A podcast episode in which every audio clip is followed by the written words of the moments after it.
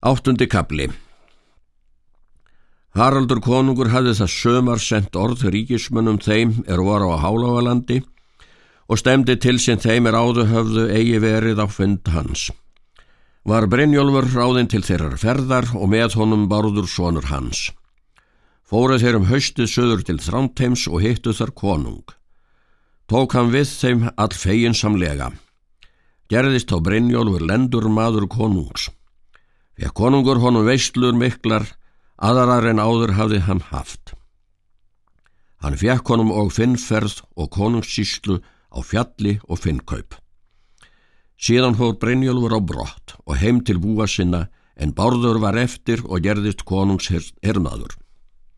Af öllum hirmannum virti konungur mest skáld sín.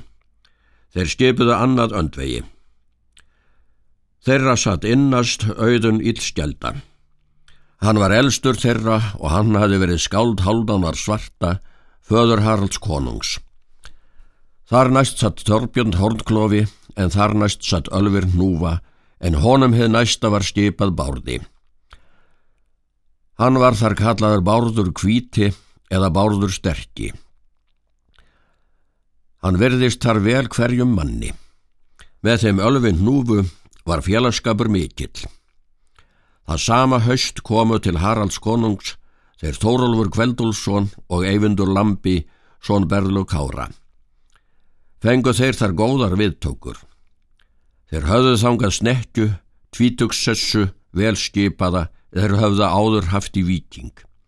Þeim var skipað í gestaskála með sveit sína. Þá er þeir höfðu þar dvalis til þess er þeim þótti tími til að ganga á fund konungs Gekk þar með þeim berðlukári og Ölfir Núfa. Þeir hveðja konung. Þá segir Ölfir Núfa að þar er komin svon kveldúls sem ég sagði yður í sömar að kveldúlfur myndi senda til yðvar. Munu yður heit hans öll föst. Megið þér nú sjá sannar hjartengnir að hann vil vera vin yðvar fullkomin er hann hefur sendt svo sinn hingað til þjónustu við yður svo skörulegan mann sem þér megin úr sjá. Er svo bæn kvelduls og allra vor að þú takir við Þorlfi veksamlega og gerir hann mikinn mann með yður. Konungur svarar vel máli hans og hvað svo gera skildu. Ef mér reynist Þorlfur jafnvel mannaður sem hann er sínum fulldrengilegur.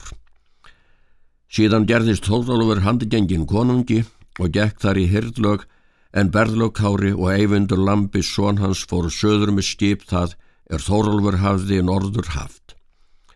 Fór þá Kári heim til búa sinna og þeir Eyvindur báðir. Þórólfur var með konungi og vísaði konungur honum til sætismilli þeirra ölfi snúfu og bárðar og gerðist með þeim öllum hinn mesti félagskapur. Það var mál manna um Þórólf og bárð að þeir voru jafnir að fríleikum og vöxt og afl og alla atgerfi. Nú er Þórólfur þar í allmiklum kærleikum af konungi og báður þeir bárður. En er veturinn leið af og sömar kom, þá bað bárður sér Orlofs konung að fara að vitja þess ráðs er honum hafði heitið verið eða fyrra sömar.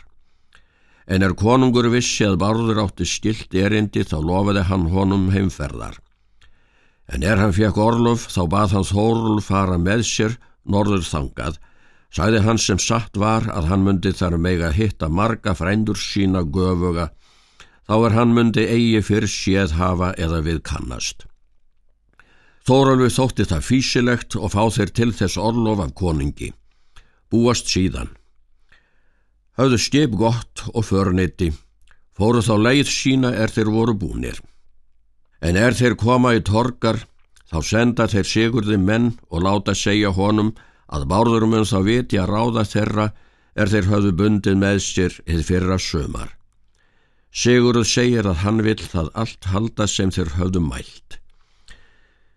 Gera þá ákveðið um brullöfstefnu og skulu þeir bárður sækja norður þangað á Sandnes. En er þeirri stefnu kom þá fara þeir Brynjólfur og bárður og höfðu með sér margt stórmenni, frændur sína og tengda menn. Var það sem Bárður hefði sagt að Þórólfur hitti þar marga frændur sína þá er hann hefði ekki áður við kannast. Þeir fóru til þess er þeir koma á Sandnes og var þar hinn prúðlegasta vestla.